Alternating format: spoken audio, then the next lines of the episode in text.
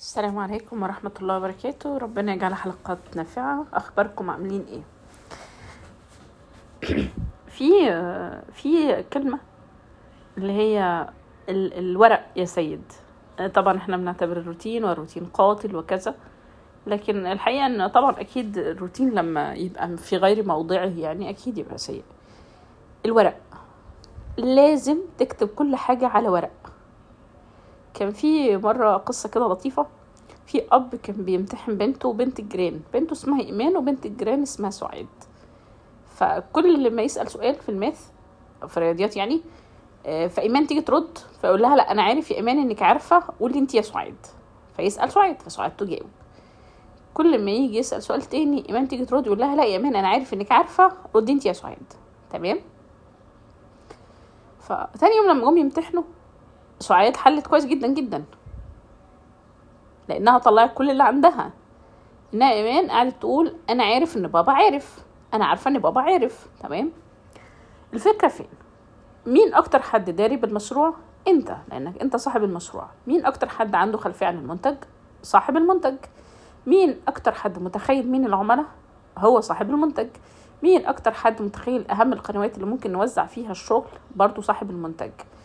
آه إحنا بنروح لشركات تسويق آه إحنا بنروح لحد يساعدنا وبنتكلم معاه وكل حاجة بس في النهاية لما الكلام ده يبقى على ورق يبقى سهل جدا إنك تديه لأي حد يساعدك في تنفيذه. لكن لو فضل في دماغك اولا دماغك دفتر آه وهتشيل كل حاجة آه لكن ممكن تخزنها في مكان أنت ما تعرفش توصل له دلوقتي. فتضيع عليك الفرص. بجانب إن البني آدم عادي بينسى بجانب إن إحنا عندنا أنشطة كتير في اليوم متعددة. فدايما الورق ثم الورق ثم الورق. كل حاجة تفكر فيها حطها على الورق. كل حاجة عايز ترتبها اعمل لها ملفات على الورق. إيه على الكمبيوتر بقى على الورق. المهم في ملف جاهز يعني. المشروع قبل ما تبتديه اكتبه على ورق. اكتب المشروع وايه الموضوع بتاعه وايه القنوات اللي هتوزعها وشكل الفئة المستهدفة. اكتب كتابة كل حاجة. ما- مالكش دعوة ان هي تبقى منظمة أو غير منظمة لأن في ناس مشكلتها إن أنا إيه أنا عايزة أكتب صح ومنظم لا يا جماعة مش لازم يكون صح ومش لازم يكون منظم لأن أنت بتكتب كل الخواطر اللي في دماغك عن الأمر. بعد كده بتروح تنظمه.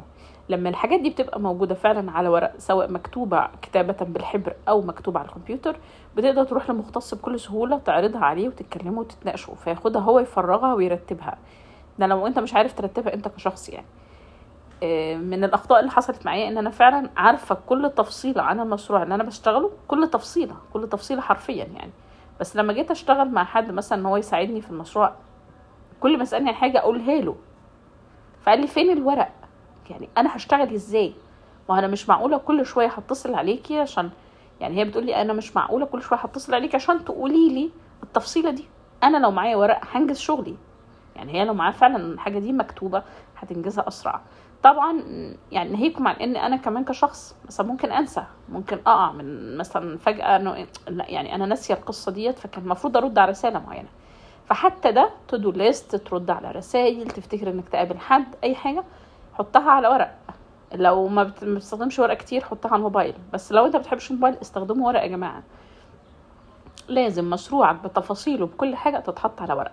نظام أنا عارف إن أنا عارف ده فاشل. ملوش أي لازمة. okay أنت عارف لكن بعد يوم أو اتنين ممكن تنسى. آه، ما تفتكرش تعدي عليك فرصة جامدة. يعني أنا دلوقتي مثلا لما كانت الشخصية دي مثلا هايلة جدا جدا وكل شوية تسألني هي تانية لما زهقت وقالت لا أنا مش هكمل معاكي أصلا.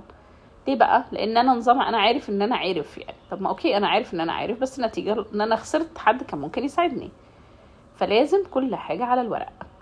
يعني الورق يا سيد الورق يا كابتن الورق يا هانم يعني المهم الورق. ليه؟ لأن الورق بيساعدنا إن إحنا نوصل اللي إحنا عايزينه. تمام؟ وبيفكرنا أكيد يعني. شكرا لكم